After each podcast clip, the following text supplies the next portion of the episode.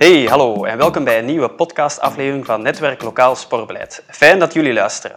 Mijn naam is Niels Jansen en vandaag zit ik samen met mijn collega Jasper de Zwarte, medewerker sportparticipatie en buurtsport bij Netwerk Lokaal Sportbeleid, in onze nieuwe opnamestudio in Sint-Niklaas.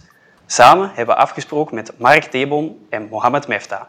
Mark is gewoon hoogleraar en voorzitter van de onderzoeksgroep Sport and Society aan de VUB en Mohamed is coördinator buurtsport bij Stad Mechelen. Ik laat jullie nog even in spanning en laat straks onze gasten uitvoerig vertellen wat buurtsport precies inhoudt. Mark Theeboom en Mohamed Mefta staan al te popelen om jou meer informatie te geven en jou te inspireren. Een fijn verhaal over de methodiek buurtsport in verschillende verschijningsvormen en enkele praktijkvoorbeelden over de meerwaarde voor de bewoners van een stad of gemeente. Dat vraagt om wat meer uitleg. Ook razend benieuwd? Dan vliegen we er meteen in. Veel luisterplezier!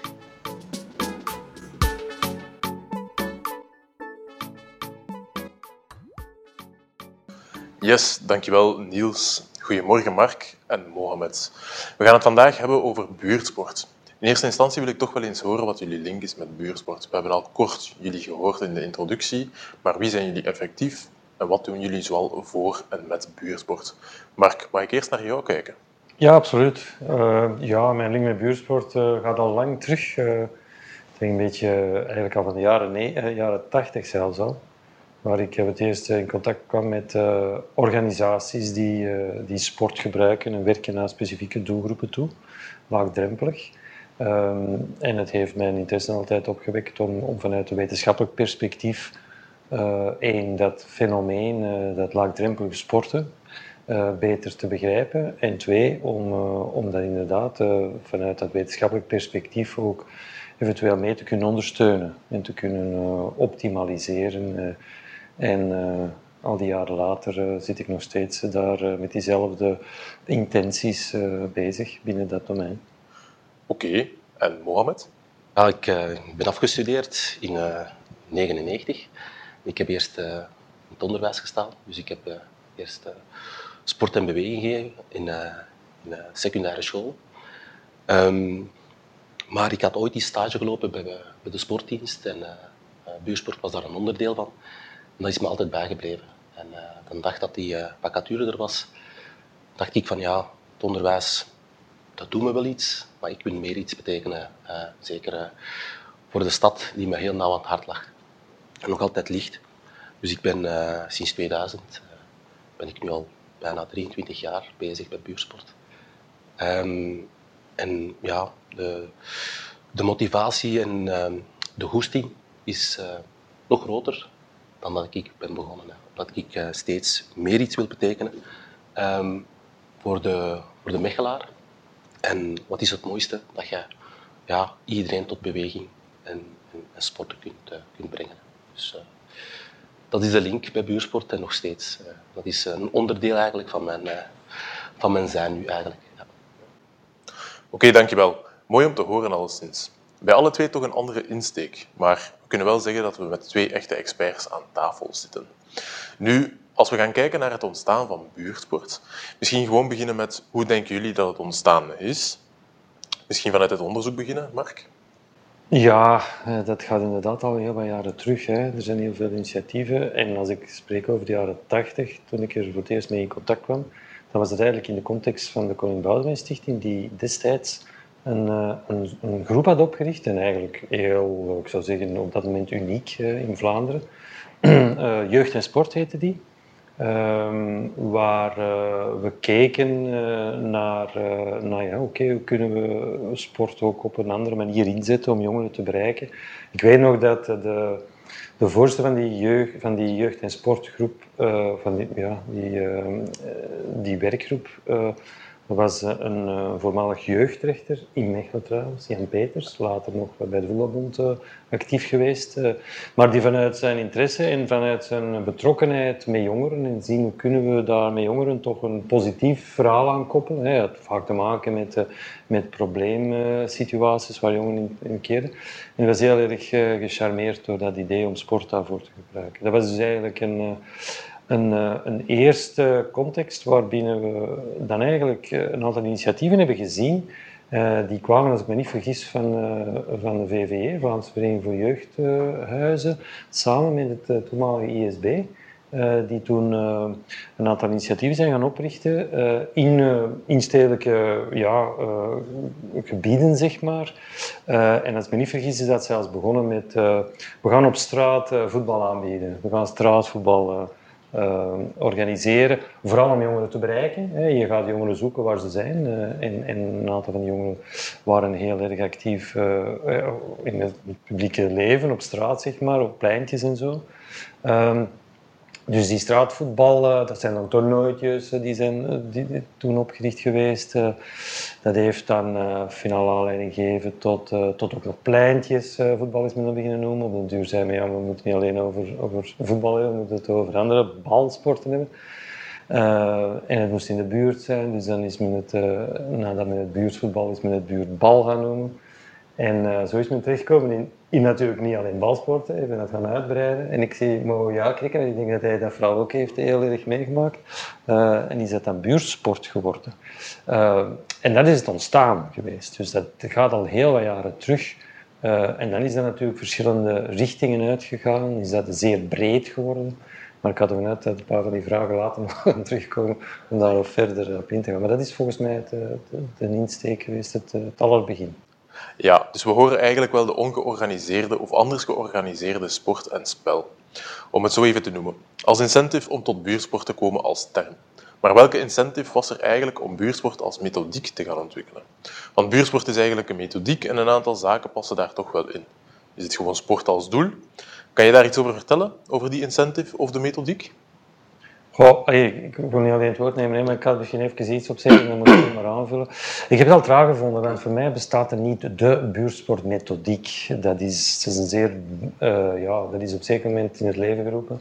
Maar ik heb dat altijd een beetje raar gevonden. Ik zou het niet over methodiek spreken, ik zou het meer over een soort, ja, ik zou zeggen, setting spreken waarin buurtsport zich kan, uh, kan, kan georganiseerd worden. En natuurlijk, alles staat met een aantal karakteristieken. Hè. Ik denk aan de laagdrempeligheid de nabijheid, het feit dat het in de buurt is, maakt dat het uh, zinvol is om, uh, of makkelijker is om, bepaalde groepen te bereiken, eerder dan dat je naar de rand van de stad bijvoorbeeld begeven.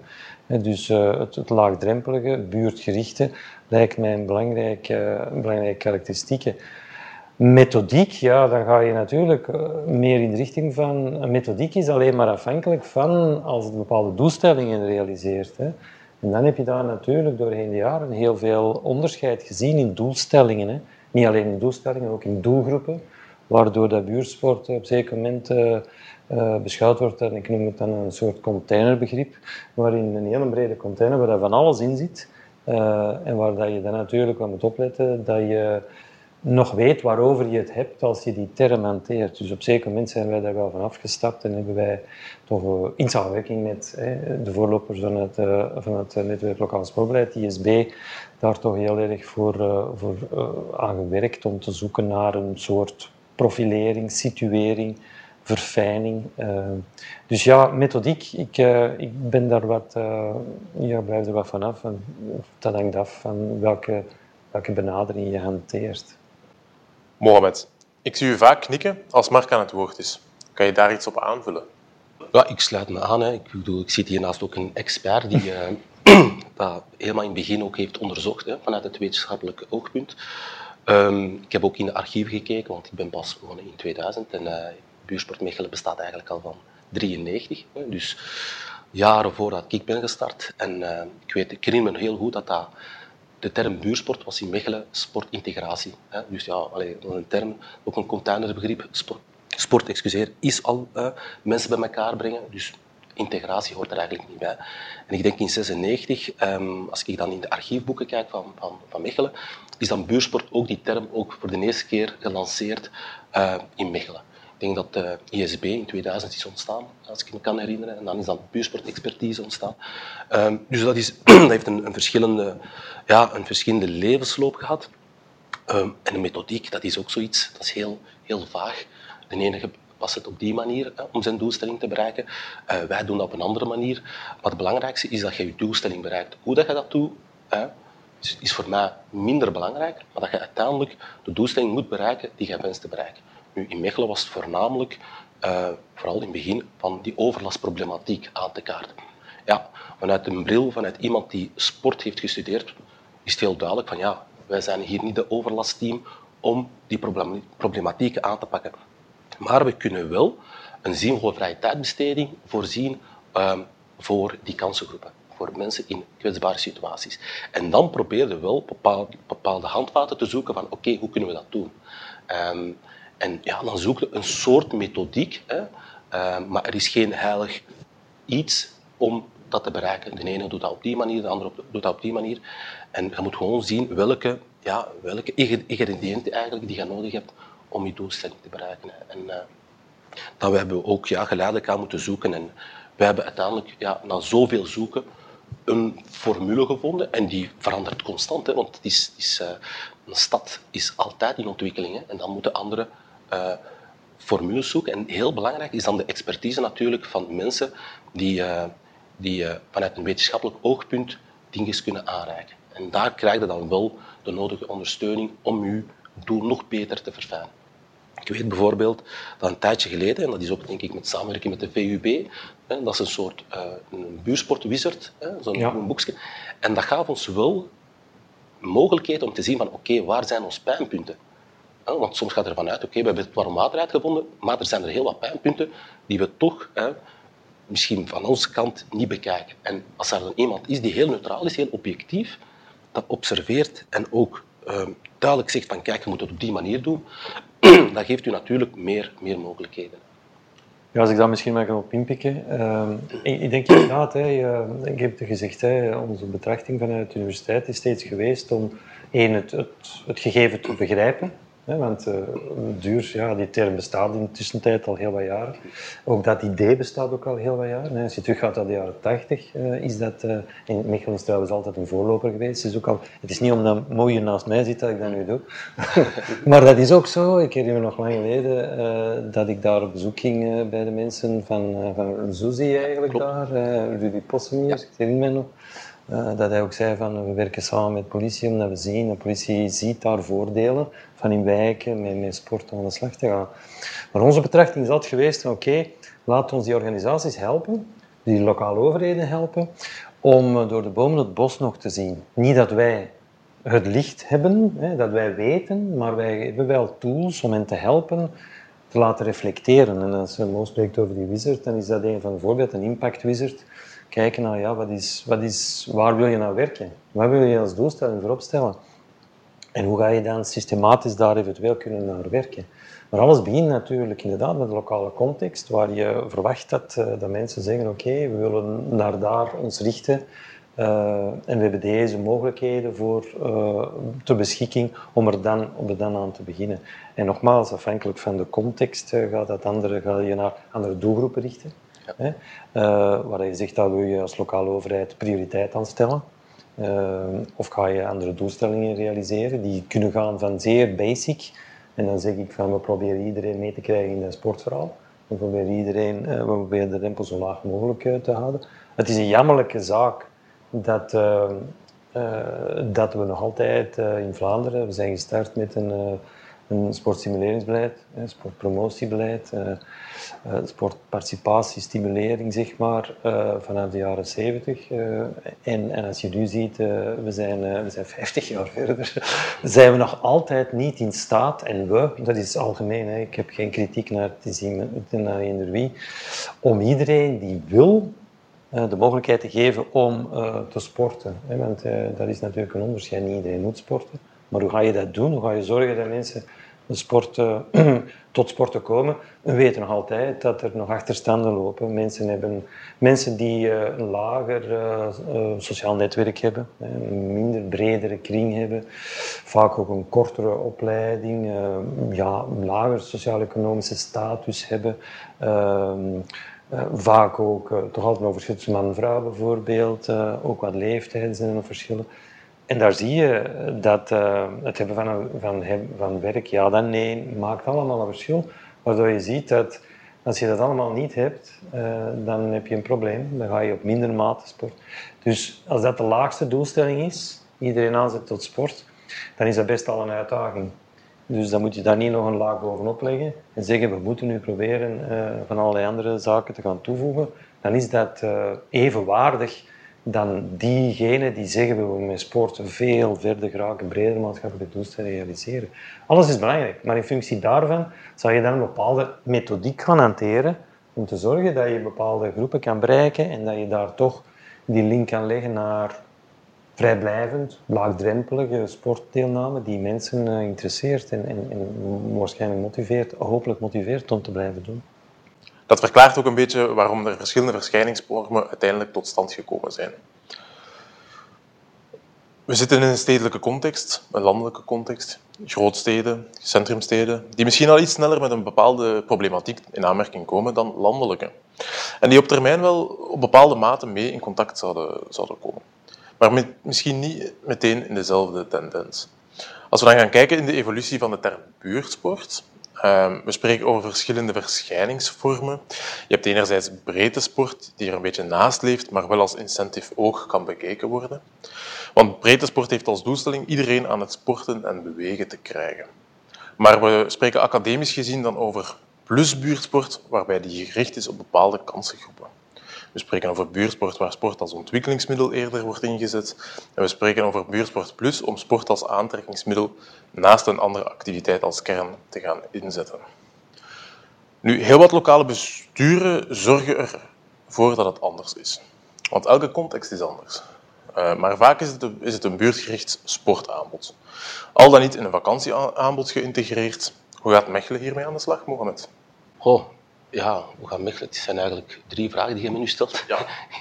In één adem. Um, um, hoe gaat Mechelen dan aan de slag? Als ik kijk naar de beleidsplan van stad Mechelen, um, dat is misschien een, een, belangrijk vertrekpunt, is dat ze sowieso, een van de hoofdstellingen is dat ze alle Mechelaars aan het sporten willen krijgen. in een, ja, in een, uh, in een, uh, in een, ja, in een veilige setting en zo verder. Nu, ja, de missie van, van, van Stad Mechelen is hetzelfde als de missie van, van Buursport. Enkel dat, we, uh, dat wij het voornamelijk doen in de aandachtsbuurt. Dus wij doen dat voornamelijk in de aandachtsbuurten en dat doen we in samenwerking met verschillende uh, sociale partners. Nu, op een gegeven moment heeft Mechelen ook uh, gekozen om Buursport Mechelen te verankeren binnen een VZ2-EWAP. Ja, dat is een, een extern verzelfstandig agentschap voor de luisteraars is dat eigenlijk gewoon een stedelijk VZ2. En dat heeft wel heel wat voordelen. Um, want de flexibiliteit van een, een VZ2 um, ehm, geeft heel wat, kunnen heel snel reageren en efficiënt werken. Want daarvoor zat ik in een lokaal bestuur. En dat heeft wel bepaalde regels en bepaalde procedures die je moet volgen. Dus als je bijvoorbeeld een, een activiteit moet organiseren, dan zijn je eigenlijk al weken, soms maanden verder waar je uiteindelijk iets wil doen in een aandachtsbuurt. En time is money, want je moet proberen op het juiste moment te kunnen, te kunnen reageren. Een ander voordeel is een VZW Jam, dat is een jeugdwelzijnsorganisatie. Ja, de link naar jeugd is snel gemaakt. Dat is, uh, dat een, een, een, tweede voordeel, dat we dan verankerd zijn binnen dat VZW. Ehm, en die VZW die, die, uh, die staat decentraal in bepaalde wijken vooral in kwetsbare buurten. Dus die doelgroep bereiken we ook op die manier. Maar misschien het belangrijkste punt is, we houden ons eigenheid vanuit buursport los van de kwetsbare groepen die we bereiken met VZW Jam, en dat zijn voornamelijk kinderen, tieners en jongeren, um, werken we ook met andere uh, partners en, en, doelgroepen. We werken met senioren, we werken met, met, uh, met vrouwen, we werken met jongvolwassenen en noem maar op. Dus dat geeft heel wat voordelen vanuit het lokaal bestuur. Um, dus dat geeft ons wel de nodige ja, uh, uh, vrijheid om, om, om, snel te kunnen handelen. Dus, um, dus wat betreft vrije tijdsaanbod en, en de andere was dan vakantieaanbod, ja, uiteindelijk is dat hetzelfde. Hè? In mijn ogen. Ik bedoel, um, je bent vooral actief na de schooluren. En ja, in de zomer zijn dat heel wat schooluren dan dat er geen is. Um, maar het is wel belangrijk dat die regelmaat er is. Dat uh, de doelgroep weet dat jij regelmatig aan zet bent. Um, en als dat enkel in de vakantieperiode is, ja, dan, dan uh, is er geen relatie. Is er geen, geen relatie. En het is net de bedoeling om regelmatig aanwezig te zijn in die buurten. Dus die vakantieaanbod is sowieso belangrijk, want dan zijn de kinderen eigenlijk uh, nu op school en dan uh, moet er ook iets gedaan worden, vind ik. Uh, maar ook tijdens de schoolperiode. Dus uiteindelijk is dat in één beweging, zou ik zeggen van kijk, het het schooljaar zou eigenlijk een aanbod moeten zijn. Maar dan spreek ik vanuit mijn eigen winkel, vanuit Mechelen, omdat dat wel een, een belangrijk gegeven is. Ja, oké. Ik hoor eigenlijk ook dat er een shifting gebeurt in focuspunten binnen die verschijningsvormen. Ja, het is, en je moet ook zien met welke middelen dat je hebt. Hè. Je kunt Mechelen niet vergelijken met Dendermonde bijvoorbeeld. Stel bijvoorbeeld, ik werk daar voltijds. Ik ben voltijds, maar ik heb ook collega's onder mij. Dus ik heb drie collega's, waarvan er twee voltijds werken en die zich volledig kunnen inzetten in een sector. En dan heb ik nog een halftijd. Nu, als je Dendermonde hebt, en dat is iemand die bijvoorbeeld voltijds werkt als sportconsulent, hè, maar heeft maar acht uurtjes dat hij moet zich bezighouden met, met buursport.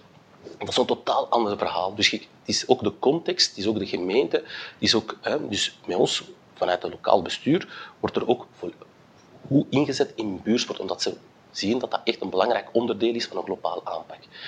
Um, en dat is wel belangrijk, van oké, welke verschijnen, daar, ben ik volledig mee eens. Je hebt, je hebt, verschillende. Maar je moet ook kijken wat voor, uh, wat voor middelen staan er tegenover om dat te doen. Ja. En dat is wel een heel belangrijk.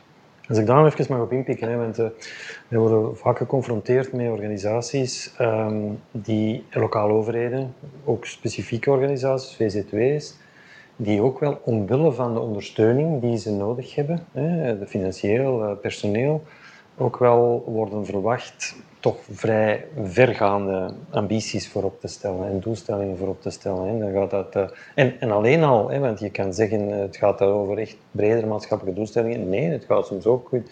Kan je zorgen dat er een permanent aanbod is of een, of een, aanbod waar iedereen zich goed bij voelt? Dat is niet zo evident om dat zomaar te, te organiseren. Hè, want je krijgt vaak, de sportieve mensen zijn sowieso al nemen al die stap. Als je vanuit een sportief gezin komt, dan is dat ook al gemakkelijker. Als dat niet het geval is, als je ook de taal niet spreekt, als je ook een andere achtergrond meeneemt, is dat allemaal niet gemakkelijk. Maar wat je merkt is dat, dat beleidsmakers, lokale beleidsmakers, vaak natuurlijk graag willen uitpakken met, uh, met wat uh, ambitieuzere doelstellingen.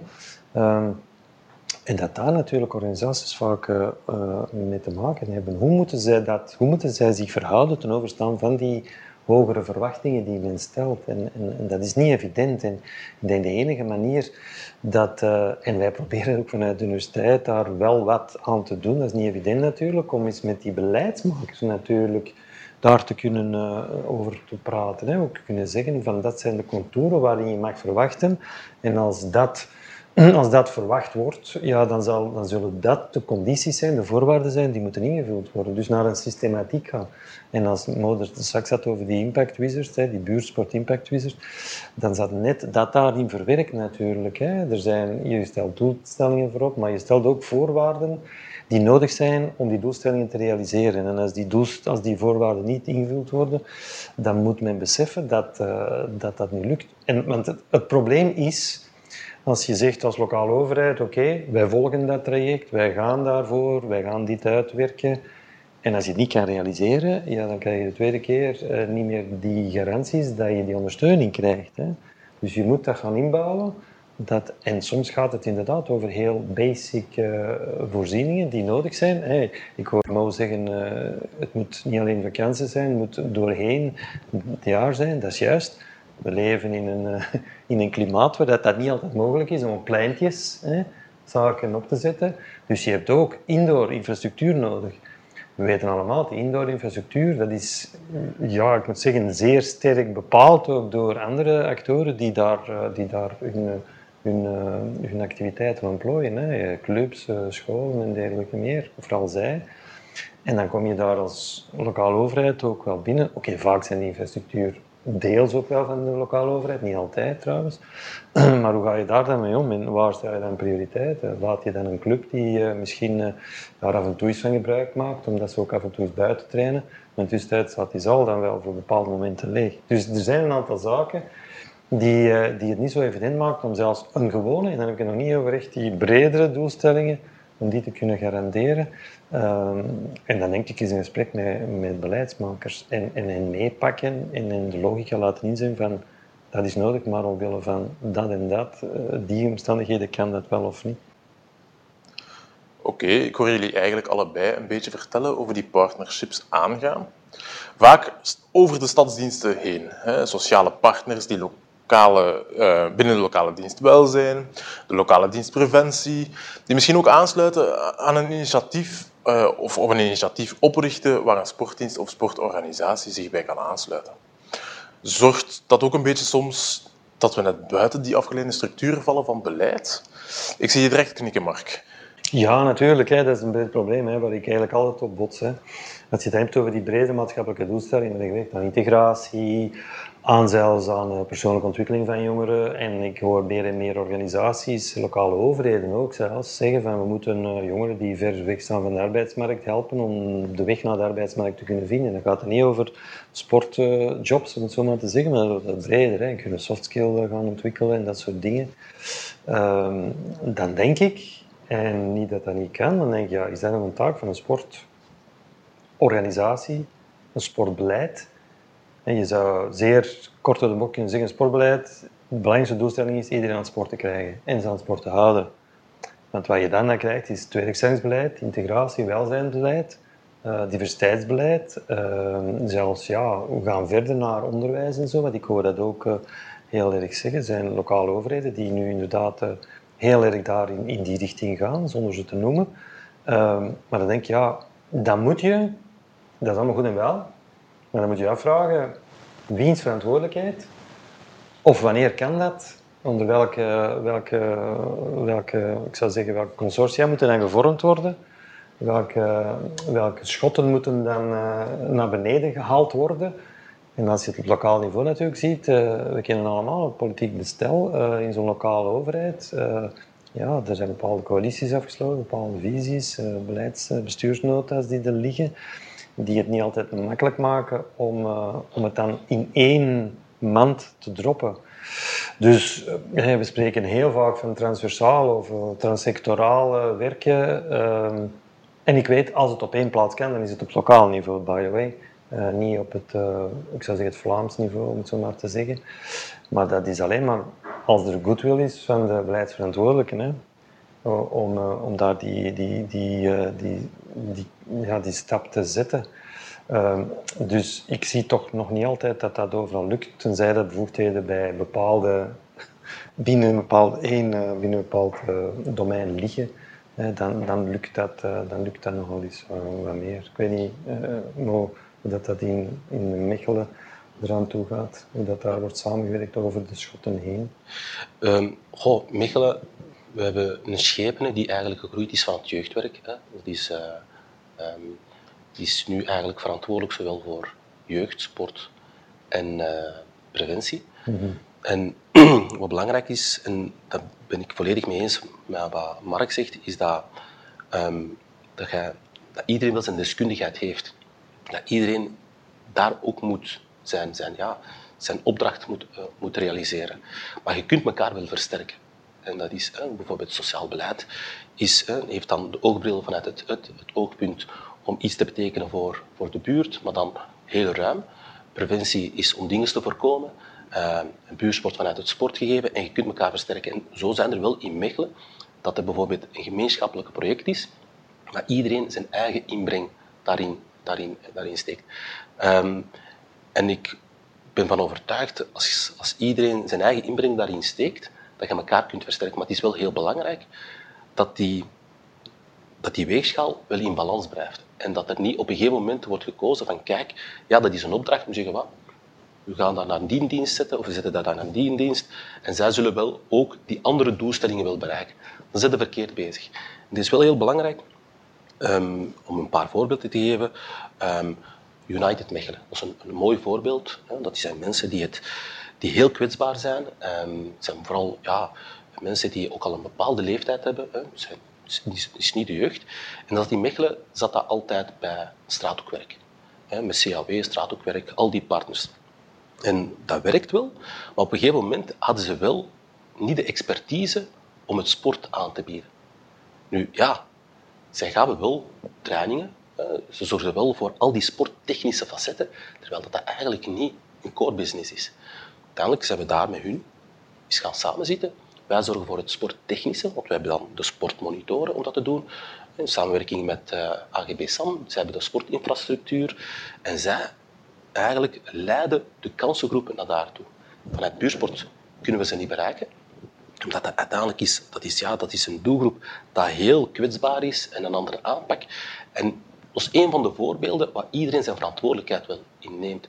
En ik denk dat dat wel heel belangrijk is, ook naar andere steden, is dat als je samen iets wilt bereiken, hè, uh, zeker in een, in een, in een, in een, uh, in een gemeentelijke context, want daar zijn er heel wat uh, actoren die elkaar nodig hebben, dan is het wel heel belangrijk dat iedereen daar zijn verantwoordelijkheid in neemt en dat iedereen ook bij zijn core business blijft. Dus dat is een van de voorbeelden. En als je dan een schepen hebt die ook dat ondersteunt, want het valt of staat natuurlijk ook door het beleid, lokaal beleid. Ehm, en als jij daar die ondersteuning hebt, dan, uh, dan denk ik dat, uh, dat het tot een mooi resultaat kan, uh, kan, kan worden gebracht. Ja, als ik mag aanvullen, ik denk inderdaad, hè, die, die gemeenschappelijke bevoegdheden, als die er zijn, en ik denk, je gaat alleen maar samenwerken als je merkt dat iedere partner daar een voordeel in ziet, hè, een meerwaarde ziet, anders ga je dat niet doen. Hè. Je gaat dat niet doen om, om anderen gewoon alleen maar uh, ten dienste te zijn.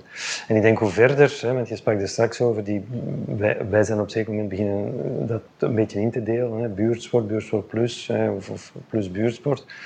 Hoe verder je gaat en hoe meer je je sport eigenlijk beschouwt als een, als een middel om andere doelstellingen te realiseren, bredere maatschappelijke doelstellingen, hoe meer natuurlijk dat die, dat die connectie met andere organisaties, met andere beleidsdomeinen, met andere actoren moet gelegd worden, want anders heeft dat weinig zin. En dan is de vraag natuurlijk, wie neemt het voortouw? Hè?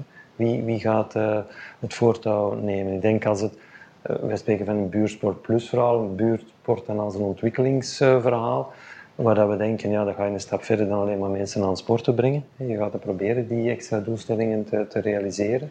Uh, maar je gebruikt sport daar heel sterk voor, dan lijkt me dat binnen de context van sport te moeten gebeuren. Dat is een discussie waar we intern zelfs ook nu zitten, we zitten opnieuw in een Europees project in, dat, uh, trouwens waar het netwerk lokaal sportbeleid ook deel van uitmaakt.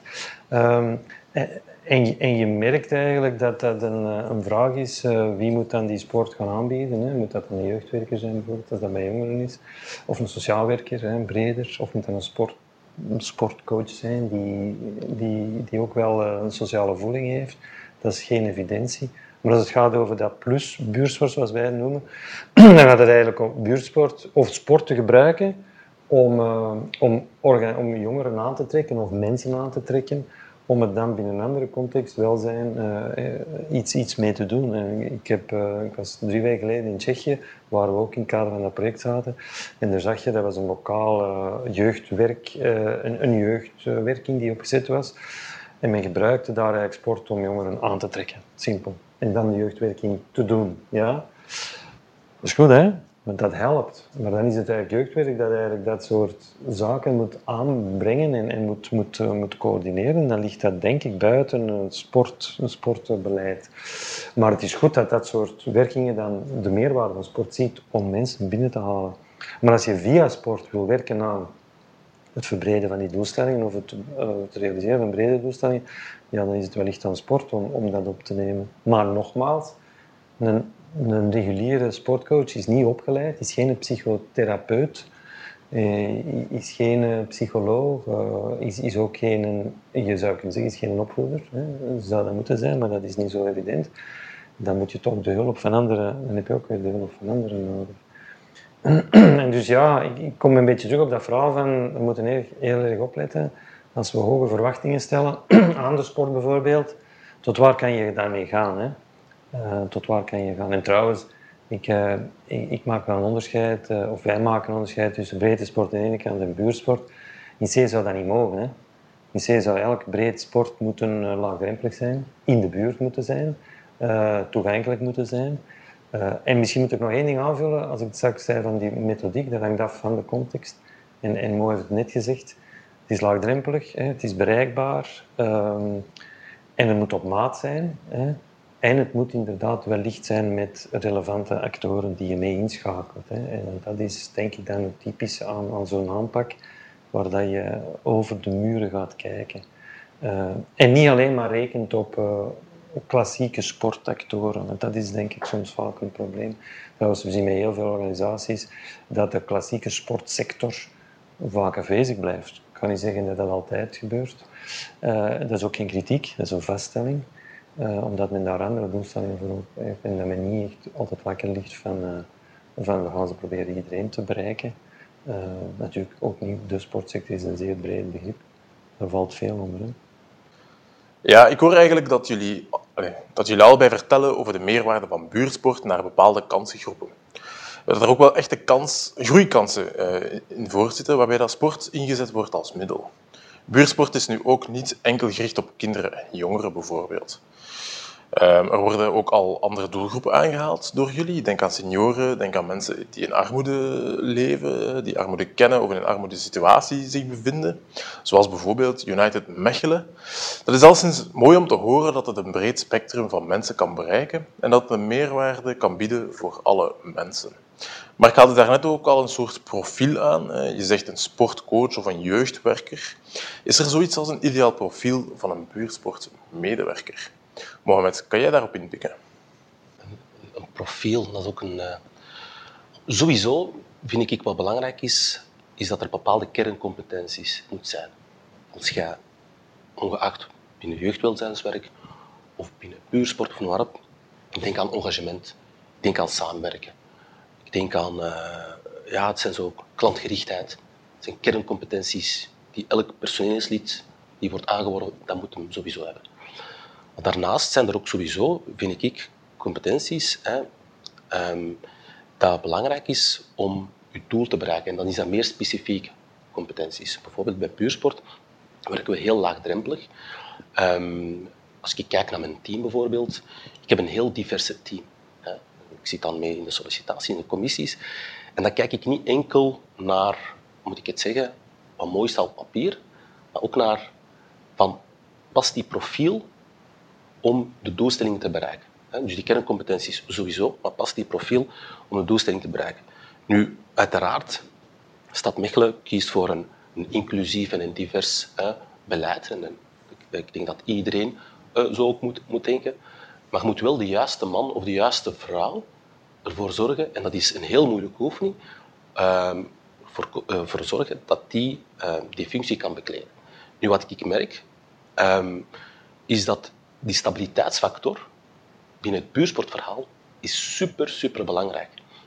Wat moet ik daarmee zeggen is van kijk, als je bijvoorbeeld iemand aan aanwerft en die is te hoog opgeleid voor die functie, dan creëer je eigenlijk verwachtingen um, ja, in een wijk. Hè, en die gaat dat schitterend doen, hè, of zij gaan dat schitterend doen. Maar als dat van korte duur is, dan doe je eigenlijk meer kwaad dan goed. En de stabiliteitsfactor, dan kijk ik ook mijn eigen. Ik doe dat nu 22 jaar. Hè. Ik doe dat al heel lang en ik heb ja, dingen ontdekt. Hè. Ja, soms met, de muur tegen de, hè, met mijn hoofd tegen de muur en maar op. Maar er is wel een bepaalde stabiliteit. En zeker in zo'n kwetsbare en aandachtsbuurten is die stabiliteit wel heel belangrijk met die nodige kerncompetenties. Dus wat voor profiel moet dat zijn? Moet dat iemand zijn die een, een, een, een sportachtergrond heeft? Zeker voorstander, zeker doen. Maar soms hebben we wel ook misschien mensen die vanuit het sociaal hogeschool, hè, die eigenlijk identiek hetzelfde competenties hebben en misschien zelfs beter zijn om net die, uh, die doelgroep te prikkelen. Dus um, voor mij is het belangrijk van de juiste persoon op de juiste plaats. En de stabiliteitsfactor is daar een, een heel belangrijk onderdeel. Mag ik aanvullen? Ik denk inderdaad, hè, dat is een beetje de discussie. Een begin natuurlijk met ja, wat is dan de functie die die buurtsportmedewerker gaat opnemen. Hè? Gaat hij meer coördineren, gaat hij meer organiseren of gaat hij rechtstreeks met, met mensen en met deelnemers in contact komen? Hè? Wat wij merken door heel veel ervaringen binnen en buitenland, is dat als je naar specifieke doelgroepen werkt, als de afstand, de sociale afstand, hè, uh, klein is, dan, ga je beter, dan zie je beter resultaten. Ik bedoel dat je niet met, ik zeg maar, jongeren die op straat uh, heel actief van alles doen, dan moet je dan niet met iemand afkomen die, drie keer zo oud is als die jongere. bedoel, dan moet je, je moet een beetje die leefwereld kennen en je moet je ook kunnen manifesteren. Je moet jezelf ook kunnen blijven aan dezelfde kant. Hè. Het heeft weinig zin dat ik met jongeren van 20, 21 jaar mij in de buurt zou gaan begeven en, en, een beetje cool overkomen enzovoort. Dat wordt doorprikt. Dat heeft ook geen zin. Plus het feit, en dan zeker naar bepaalde groepen toe, daar is een soort rolmodelfunctie die je ziet, eh, waar mensen, waar deelnemers zeggen, ja, als die dat kan en als die in die richting gaat, uh, dan is dat die, die kent ons achtergrond. We hebben het vorige week nog, nog waren we ook in, was ik nog in Birmingham, ook in het kader van het Europees project, en daar werd dat heel duidelijk gezegd. Als je te maken hebt met, met mensen, met begeleiders, met mentors, met coaches, jeugdwerkers, die zelfs vanuit diezelfde achtergrond komen, dan open je deuren. En ik denk dat dat uh, ook een, een, bijkomend is. Wil dat zeggen dat dat altijd het geval moet zijn? Nee, want dat is natuurlijk niet evident. Maar dat kan wel helpen. Maar die, die, die toenadering of die, die insteek van te, be, beide dingen te hebben, een beetje notie hebben van sport, uh, een beetje notie hebben van hoe je met mensen moet omgaan. En wat ik denk een heel belangrijke is inderdaad dat je bereid bent uh, luisterbereidheid, flexibiliteit, dat je kan gaan aanpassen, dat je kan gaan improviseren, omdat er natuurlijk niet iets zo bestaat als een rechte lijn en daar moet je aan houden. En sport wordt op die manier gespeeld en niet anders. Als je daarmee afkomt, dan ga je niet, dan ga je niet verder geraken. Dus die flexibiliteit, die aanpassing, dat aanpassingsvermogen is superbelangrijk. Um, en eh, bestaat daar een opleiding voor?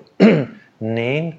Gaan we daar ooit de ideale opleiding voor hebben? Nee, uh, want een deel leer je on the job. Ja, wij doen zelf wel binnen onze universiteit wel moeite om onze studenten nu wel in die richting te laten evolueren. Een traject van vijf jaar dat we opzetten waar ze wel mee worden gepakt.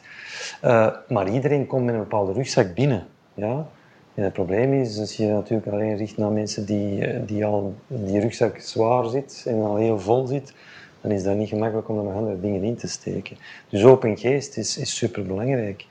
Um, en is dat dan een sociaal uh, coach of is dat een, een, sportieve sociale werker? Ja, bedoel, dat maakt niet zoveel uit. Ik denk dat dat zo kerneigenschappen zijn die je mag verwachten, die moeten aanwezig zijn. En het ideaal natuurlijk is dat je, dat je mensen, dat je deelnemers meekrijgt in dat verhaal dat die ook eventueel, en als het dan gaat over jongeren, dat zij op zeker moment ook zeggen, oh, dat lijkt me een interessante uitdaging, ik heb dat zelf meegemaakt. Dat zie je ook vaak, helpt dat, zelfs op latere leeftijd. Hè. Als je werkt naar, naar ouderen toe, dan is dat ook interessant dat dat iemand is die misschien dezelfde achtergrond heeft en daar ook uh, ja, daar als, opnieuw als rolmodel kan functioneren. Misschien aanvullend, dat is goed dat Mark daarover uh, heeft, is um, naast deelnemen is deel hebben ons super belangrijk. nu, met deel, deel hebben bedoel ik, um, in de loop der jaren um, is het, dat is organisch gegroeid, hebben een programma opgestart. We noemen dat nu de buursportprogramma van Mechelen. En we houden juist in, eigenlijk, we werken met verschillende niveaus. We verschillen met verschillende niveaus. Niveau 1 zijn vrijwilligers. Dat is belangeloos worden ze ingeschakeld. Die kunnen een wedstrijd begeleiden, eh, een groep begeleiden, een wedstrijd leiden, meehelpen opbouwen van, eh, van, van iets, afbreken, maar op. Dus uh, ze hebben geen eindverantwoordelijkheid, ze zijn vrijwilligers. En ze zijn meestal plus 16 jaar. Um, um, en dan hebben we eigenlijk een stapje verder, dan hebben we een stapje hoger en dan hebben we eigenlijk de heroes, dat zijn de helden. En de helden is eigenlijk ontstaan in samenwerking met de Johan Cruijff Foundation. In 2013 is er in België de eerste kruifkoord uh, in Mechelen hebben ze daar opgezet. En um, los van een ontmoetingsruimte was ook de bedoeling om de jongeren meer te betrekken in het, uh, in het, in het, in het trapveldje. En, daar worden de jongeren ingezet op een traject van acht weken. acht weken, zijn plus 14-jarigen, dus die leeftijd gaat al iets naar beneden. Plus 14-jarigen werken ze eigenlijk aan een evenement die ze zelf organiseren. Wij ondersteunen ze, maar zij organiseren dat zelf. Hè. Je ziet hè, dat ze daar ook bepaalde competenties leren. Ah, Oké, okay, hoe moeten ze hè, een evenement organiseren, het ontwerpen van iets en zo verder. Um, en ze krijgen daar ook een bepaalde erkenning op het einde en ook een certificaat. Dat is level 2. En dan hebben we de level 3. Dat is iets dat wij vroeger met IS, voormalige ISB hebben opgestart. De Street Action. Street Action project, hè, dat was ook met de VUB. Hè, Street Action verhaal. En dan uh, hebben wij gezegd van kijk, wij willen de jongeren coaches maken. Street Action coaches, we hebben daar coaches van gemaakt. En de dag van vandaag worden die jongeren nog bereikt. Dus elk jaar um, geven we tiental jongeren de kans om een opleiding te volgen bij de Vlaamse trainerschool. Dat is een bewegingsanimatorcursus, dat zijn twee modules. Module 1 is dan start-up coach, dat is een algemene module. En module 2 zijn bewegingsanimatoren. En dan, uh, eenmaal dat ze die, die certificaat hebben, zijn ze eigenlijk een volwaardige sportcoach. En ze worden dan ingeschakeld, zowel bij ons als bij reguliere werkingen. Ik denk aan de collega's van de sportdienst, ik denk aan de Nekker, Jeti, Jeho, noem maar op. Het zijn eigenlijk, ja, de bedoeling is dat we ze sterker maken en dat ze worden ingezet. En dan heb je eigenlijk ja, top van de piramide, hoe ik het noem, zijn de ambassadeurs. Het zijn eigenlijk mensen die gegroeid zijn hè, en die uiteindelijk tot professional zijn geworden. Ofwel binnen het uh, jeugdwelzijn, ofwel vanuit buursport, want in buursport is er iemand die nu wordt uh, ingezet uh, als een, een, een, voltijdse werkkracht. Um, en dat zijn eigenlijk rolmodellen. Het zijn rolmodellen die eigenlijk ook anderen kunnen inspireren om verantwoordelijkheid te nemen. Um, en ik vind het ook heel belangrijk dat je jongeren mee inschakelt, voornamelijk in je aanbod. Van zodra dat je ze mee inschakelt, bereikt je veel meer in het bereiken van je activiteit.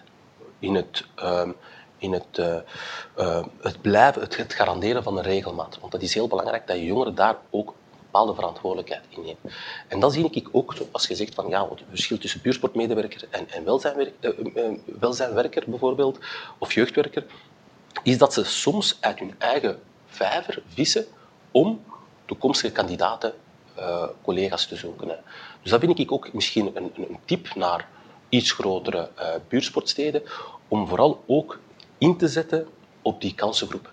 Om daar ook, eh, om hem, ja, een collega van mij zegt heel vaak, we zijn een kansenfabriek. Ja, maar je moet het ook tonen. Je moet het ook kunnen aantonen van, kijk, die persoon is gegroeid tot eigenlijk die persoon die het nu is.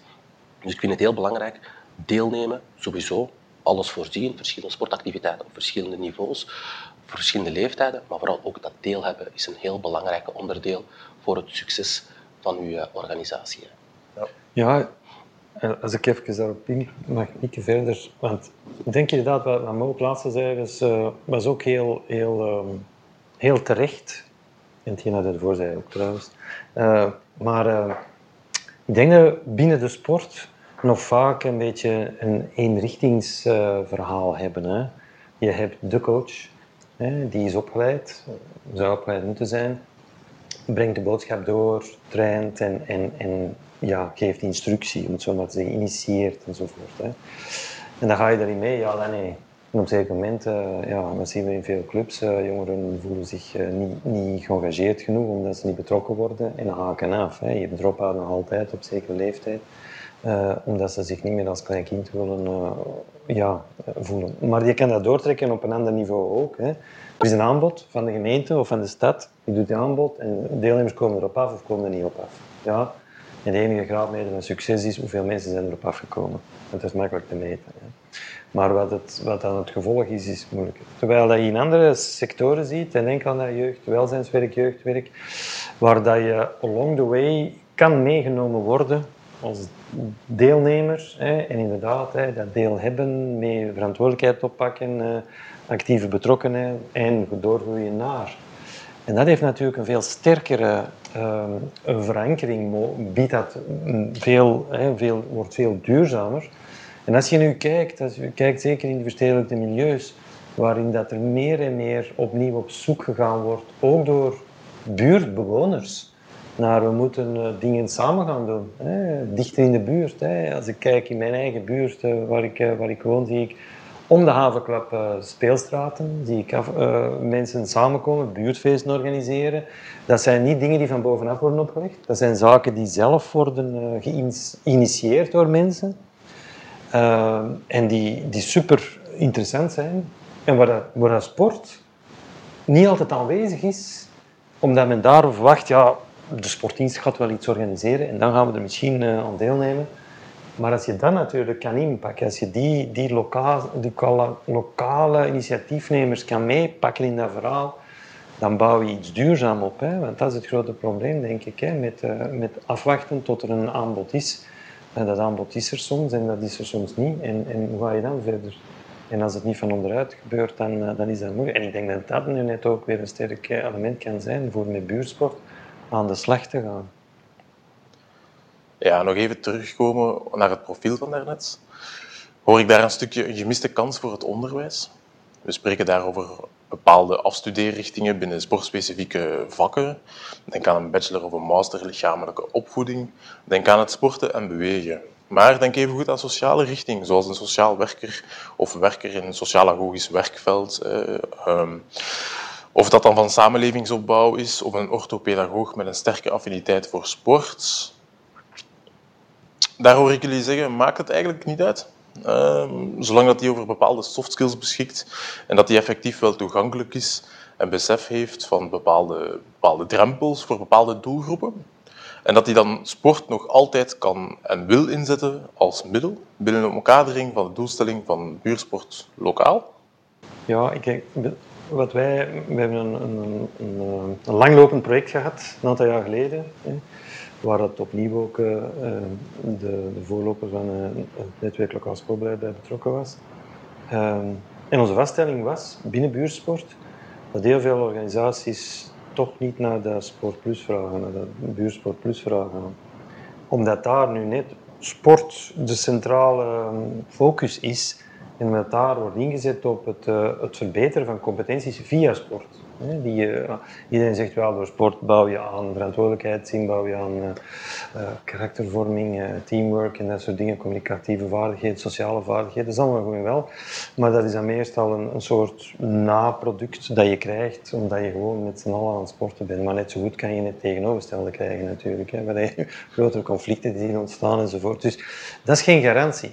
Dus als het gaat over mensen voorbereiden, dan denk ik is het al veel makkelijker om ze voor te bereiden op, oké, we gebruiken die sport als een insteek om andere dingen te doen. Want een sociaal werker zou dat moeten kunnen. Ik denk dat in elk sociaal werk men uh, aandacht zou moeten hebben voor sport. Hoe kan je sport gebruiken om initiële contacten te leggen? Hoe, hoe, want heel veel mensen nog altijd, uh, en ook binnen jeugdwerk en sociaal werk, als je daarover sport spreekt, dan zeggen ze dat is iets vies. Hè? Maar natuurlijk, ze kijken naar wat er nu gebeurt, hè, World Cup. Uh, en ze zien natuurlijk één manier van, en de hypocrisie en bla bla bla, heel dat verhaal uh, wat we nu weer zien, hè, waar men wel of niet met een kleur naar armband mag lopen enzovoort.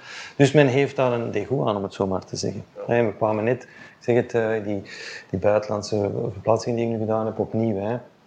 Jeugdwerkers, als eerste reactie is vaak sport. Ja, dat, is, is prestatie, competitie, alleen maar voor de beste en, en de rest kijkt men niet naar.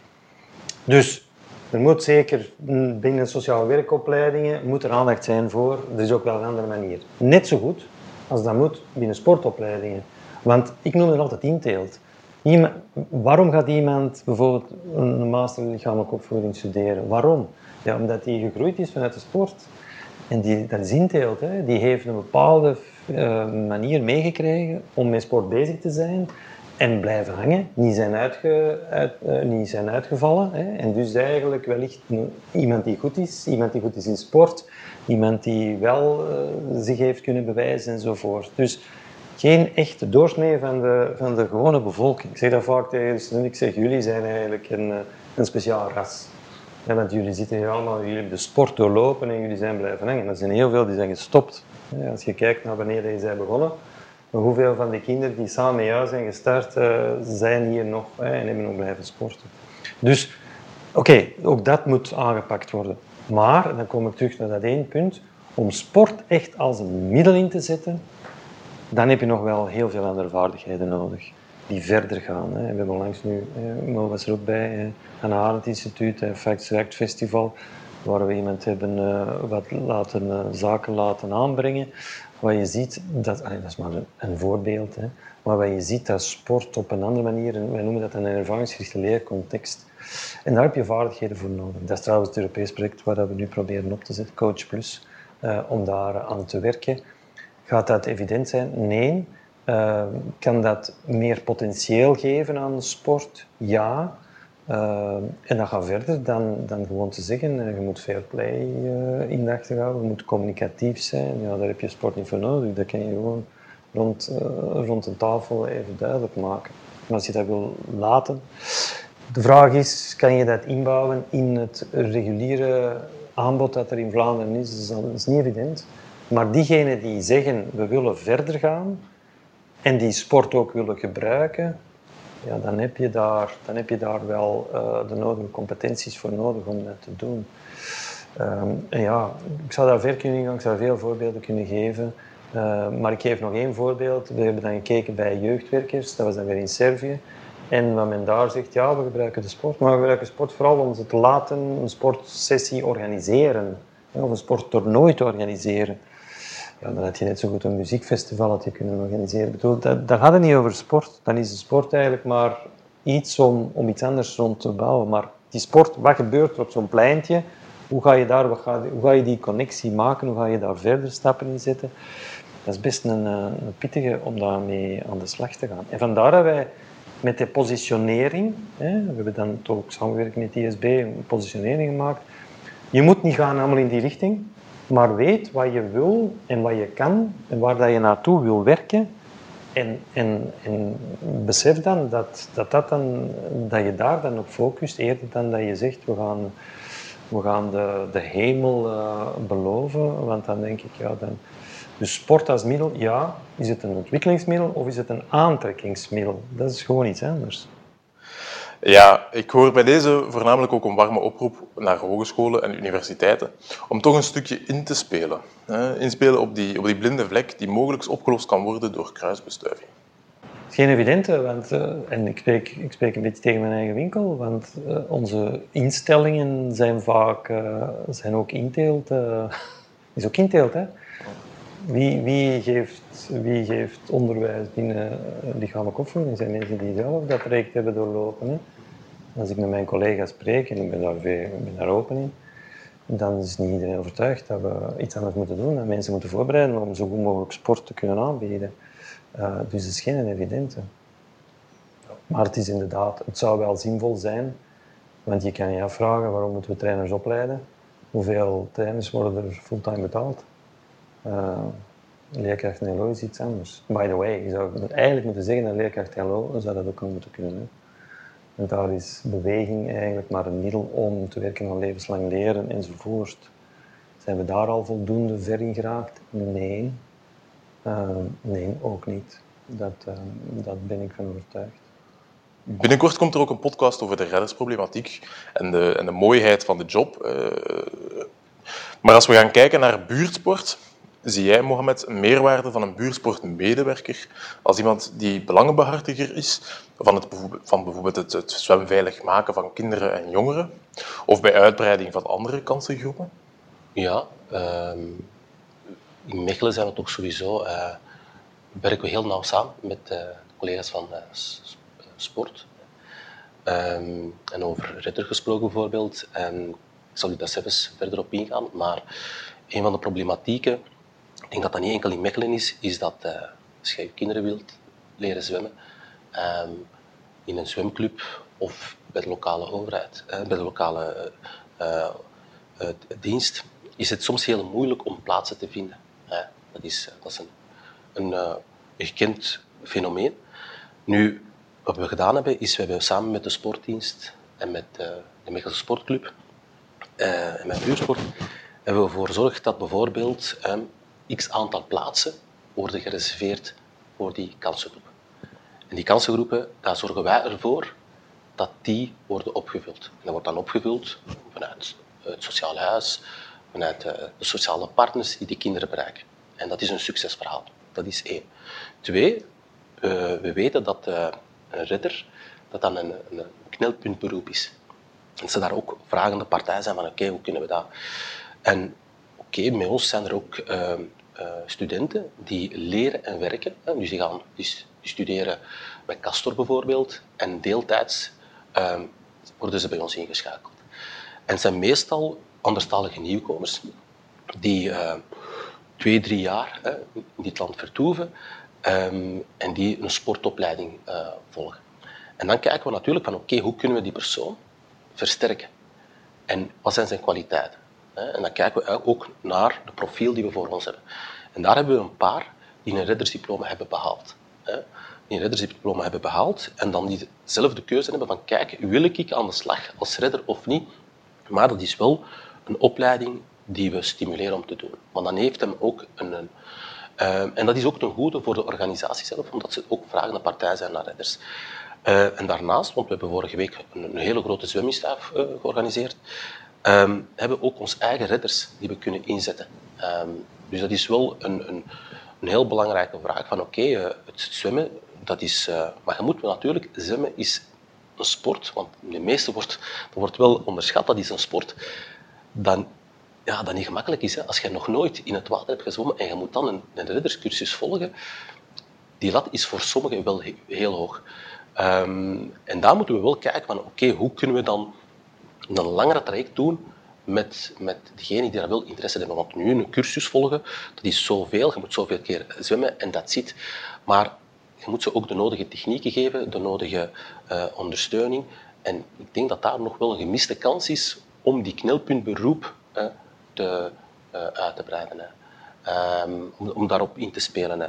Maar wij pakken dat zo in Mechelen. dus vanuit buursport leiden we ook de, de, de studenten op.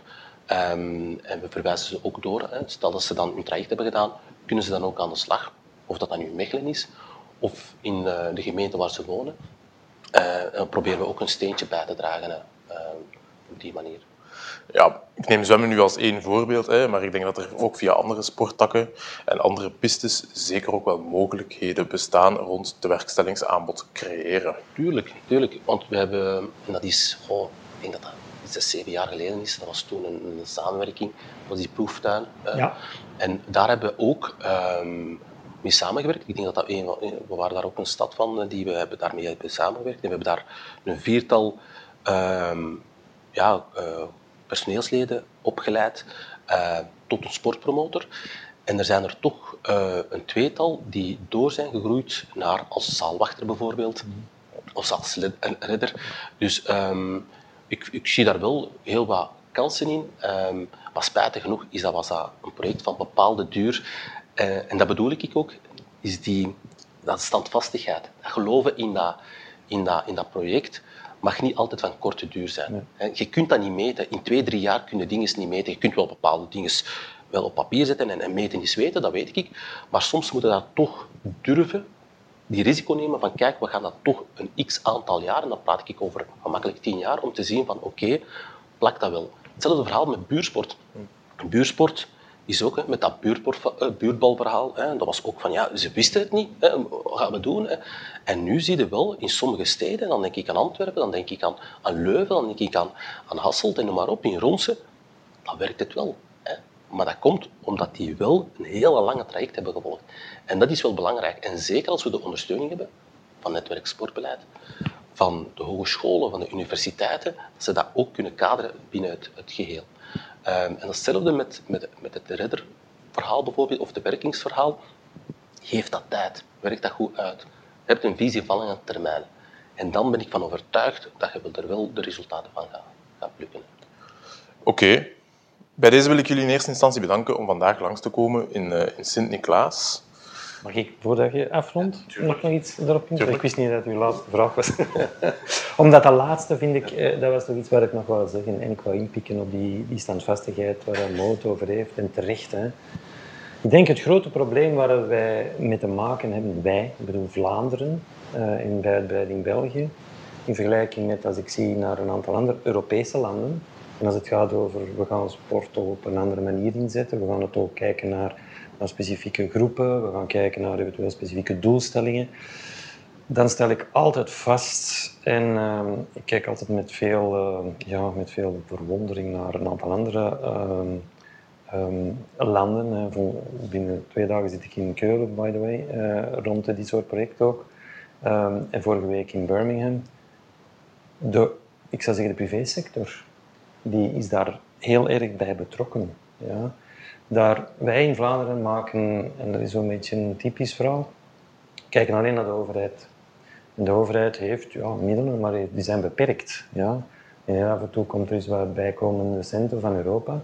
Uh, maar dat is ook een overheid, bij wijze van spreken.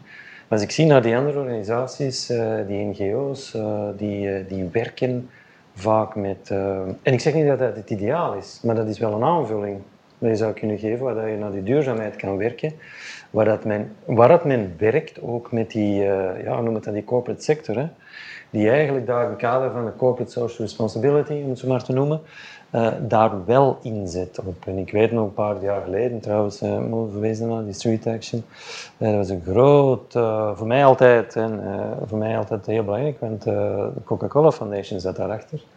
Ik vond dat een, een van de weinige voorbeelden in Vlaanderen, waar we, en wij weten ook wel, Nike doet ook wel een aantal zaken, ehm, maar waar dat, dat waren zo de enige waar dat eigenlijk vanuit die sector eigenlijk aandacht eh, gaat naar die meer sociale invulling van sport. En hoe moeten we dat realiseren? Geen evidentie. Maar als je weet dat dezelfde organisaties, dezelfde, ik zeg zeggen, dezelfde firma's zelfs, internationaal, in andere landen dat wel doen, ja, dan denk ik, ja, dan moeten we toch op een of andere manier ook die link kunnen leggen. En ik weet wel, hè, we hebben een discussie destijds gehad met die Coca-Cola Foundation, waar mijn collega's uh, binnen de universiteiten, want wij zijn zelfs niet van de VUB, eh, zeiden, hey, je kunt toch niet maken, je kunt toch niet met Coca-Cola in zee gaan, want dat is, hey, Coca-Cola dat staat niet voor gezonde, gezonde voeding en dat soort dingen meer. Oké, okay, er bestaat wel iets aan de Coca-Cola Foundation die wel op een andere manier daarmee aan de slag gaat. Dus voor mij zijn dat dingen waar dat we nog een, doorstart zouden moeten kunnen maken. En ik heb mij ook altijd afgevraagd, een heel mooi onderwerp is voor een doctoraat, daar ik al zit over te broeden een tijd, uh, van hoe kan je zorgen dat die sector ook mee hierin investeert. Ja?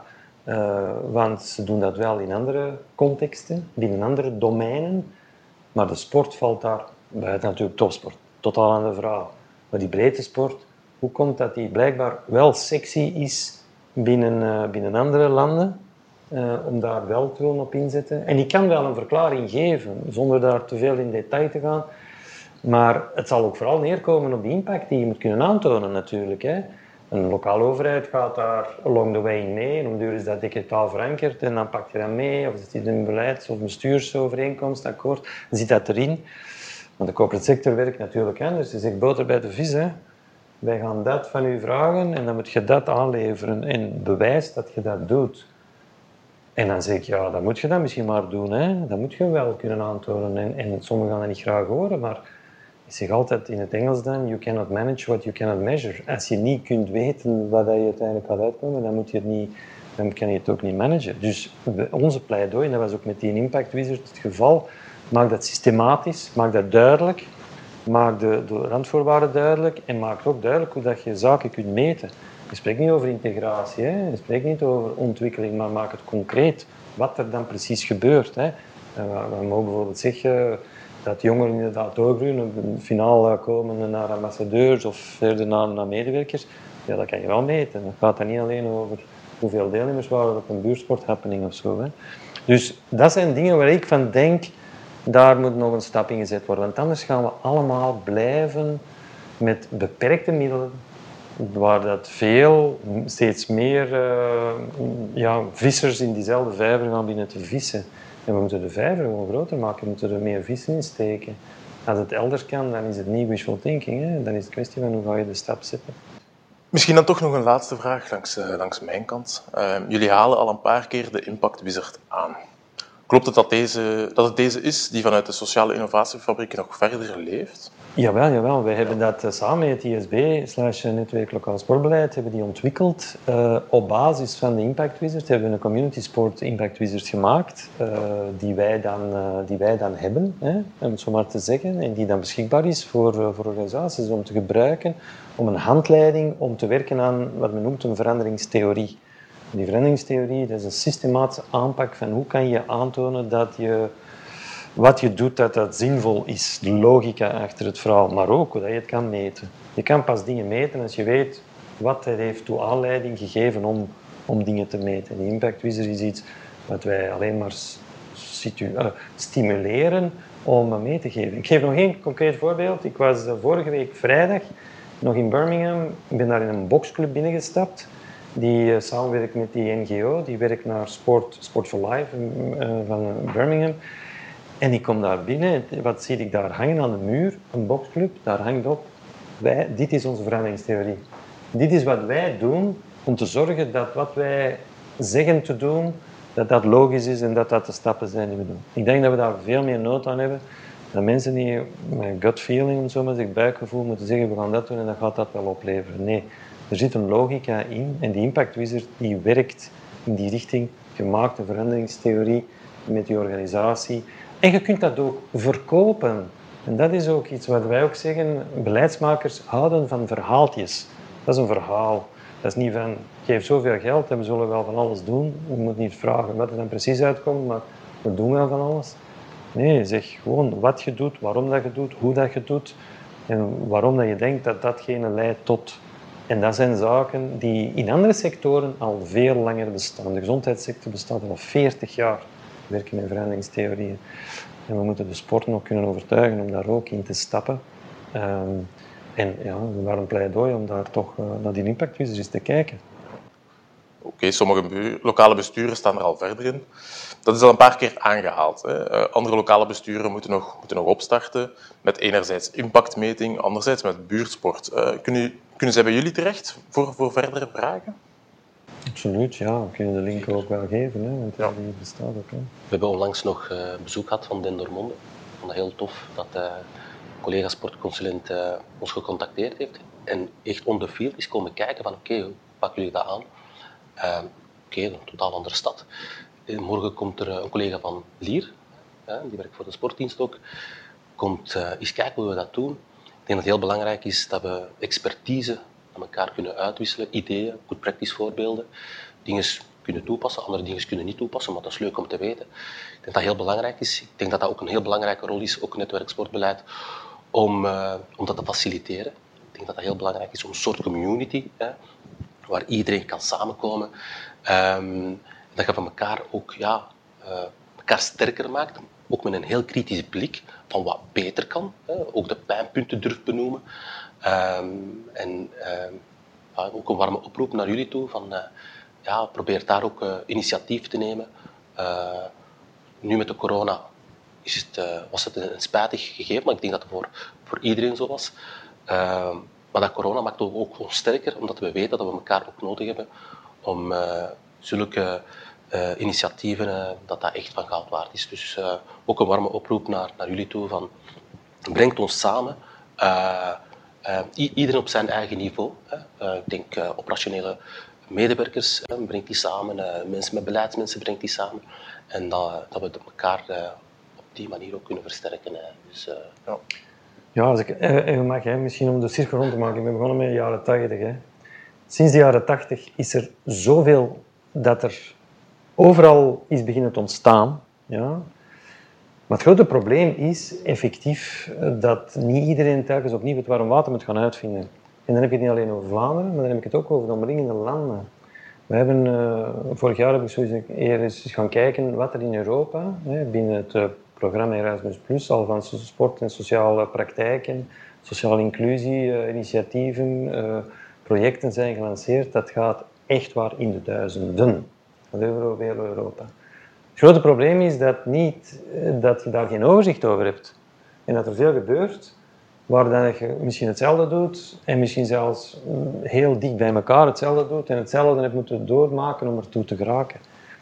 En, en de uitdaging is, hoe kun je zorgen dat je op een heel inzichtelijke manier datgene wat er al is, ook kan delen met anderen, zonder opnieuw een boek te gaan geven, eh, te schrijven, zonder opnieuw een of andere website waarin dat je verloren loopt enzovoort.